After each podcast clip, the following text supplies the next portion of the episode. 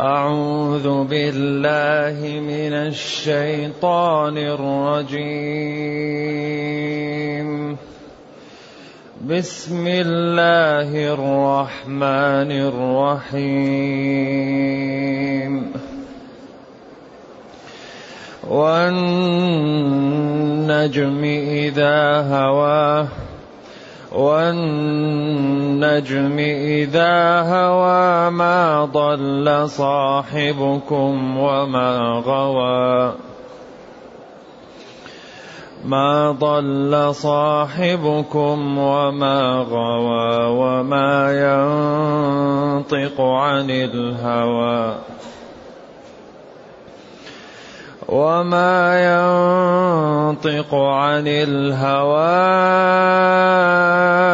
إن هو إلا وحي يوحى علمه شديد القوى ذو مرة فاستوى وهو بالأفق الأعلى وهو بالأفق الأعلى ثم دنا فتدلى.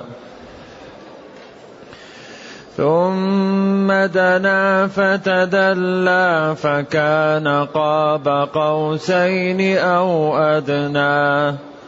فأوحى إلى عبده ما أوحى. ما كذب الفؤاد ما رأى أفتمارونه على ما يراه ولقد رآه نزلة أخرى عند سدرة المنتهى.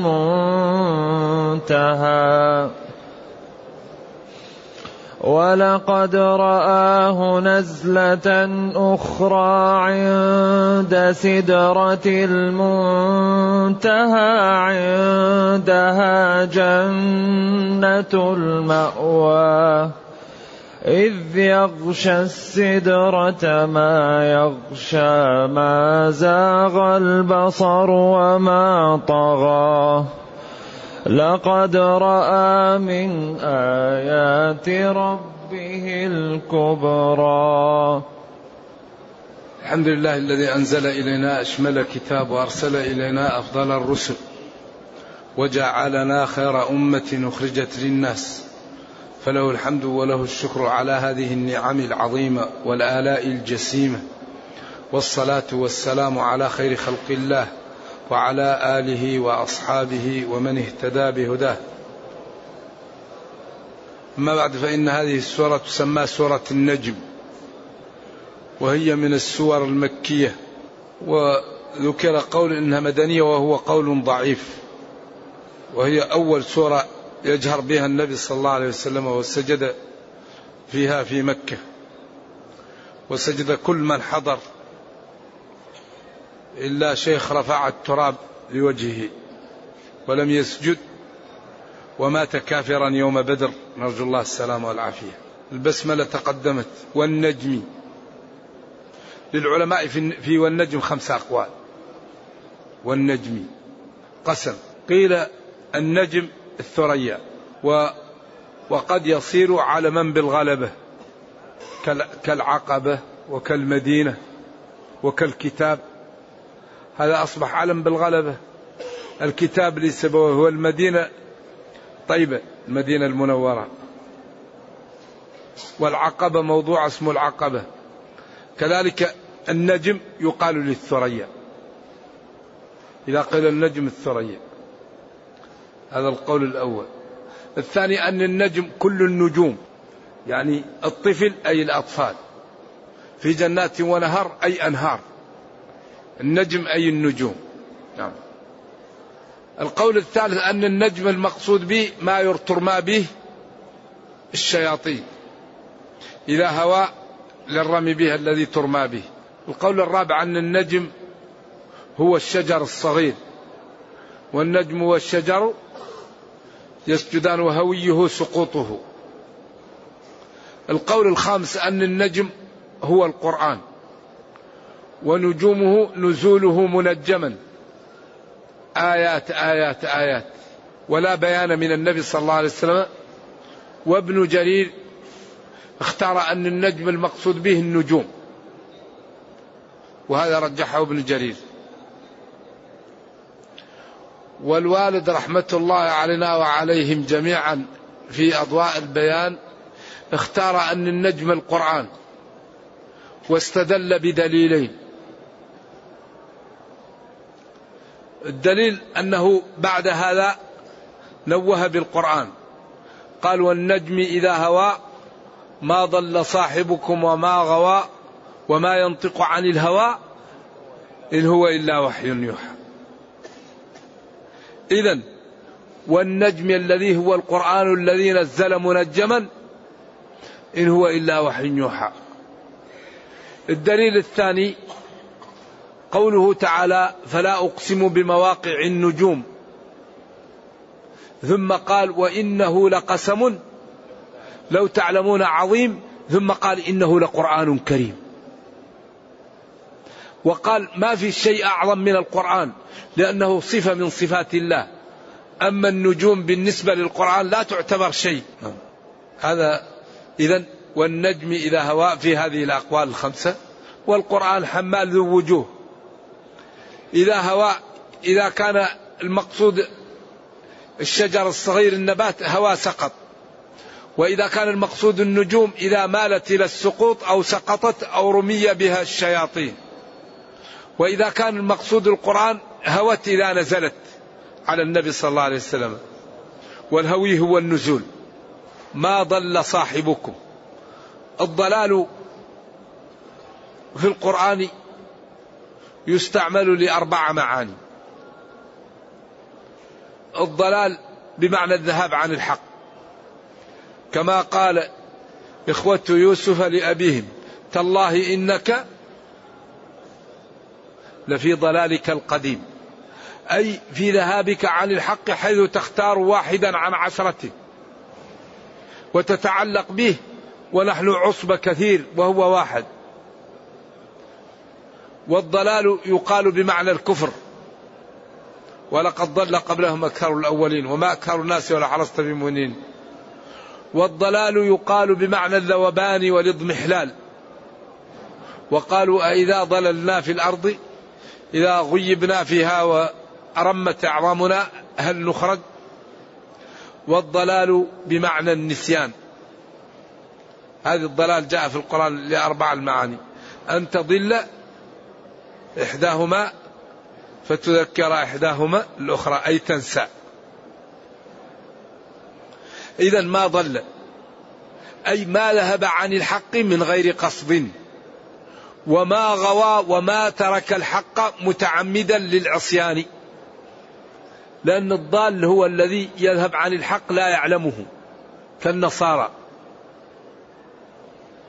والغوي هو الذي يعرف الحق ويتركه متعمد للضلال متعمد للإجرام. بسبق إصرار يعلم أن هذا خطأ لكن يعمله متعمد. هذا هو الغوي. الغي هو من يعمل الجرم يعلم أنه جرم. بسبق إصرار. إذا نبينا صلى الله عليه وسلم ما ذهب عن الحق من غير أن يقصد وما ذهب عن الحق متعمدا. ما ذهب عن الحق. لا في أي حالات من حالاته صلوات الله وسلامه عليه.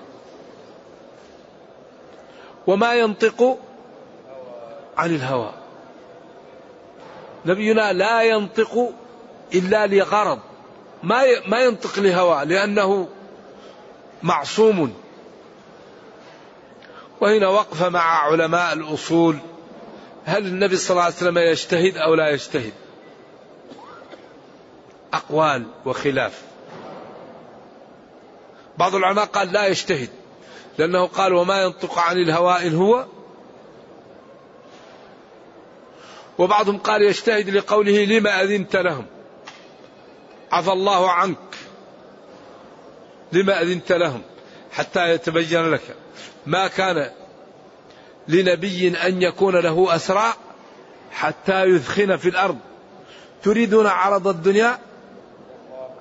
والله يريد الآخرة والله عزيز حكيم لولا كتاب من الله سبق في أن أهل بدر تجاوزوا القنطرة أو في أنه يحل لك الغنائم حذف الجواب ليبقى يأخذ كل ما أخذ. إذا وما ينطق نبينا إلا وقيل يجتهد في أمور الدنيا ولا يجتهد في أمور الدين. كتأبير النخل. وبعدين لما لم يؤبر النخل أصبح شيحا. فقال أنتم أعلم بأمور دنياكم. وقيل يتعبد بالاجتهاد ولكن إذا اختار المرجوح لا يقر عليه. لا بد أن يبين له الراجح. وقيل الخلاف لفظي لأنه هو لو اجتهد هذا وحي. اجتهاد وحي لأن الله قال وما أتاكم الرسول فخذوه. فاجتهاده بالنسبة لأمتي وحي. فإذا رفع يكون نسخا. والذي يظهر أن نبينا صلى الله عليه وسلم إذا تعبد بأن يبين رأيه في أو, أو يحكم بما رأى أنه إذا كان ما رأى صلوات الله وسلامه عليه غيره أولى منه يبين له الوحي ذلك. كما قال عبس وتولى لم تحرم ما أحل الله لك؟ لما أذنت لهم؟ ما كان لنبي أن يكون له أسرى. قالوا هذا بالنسبة لنا نحن وحي. والنبي صلى الله عليه وسلم كان كله يريد به الخير ويريد به الدين ويريد به رفعة الإسلام. ولكن الله تعالى علمه محيط فبين لنبيه أن الأولى كان يفعل كذا. أما في النصوص فيتوقف حتى يأتيه الحكم. نعم. إن هو إلا وحي يوحى إن نافية.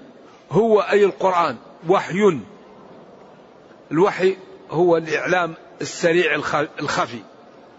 يوحى عليك من الله تعالى بواسطة جبريل كما سيأتي.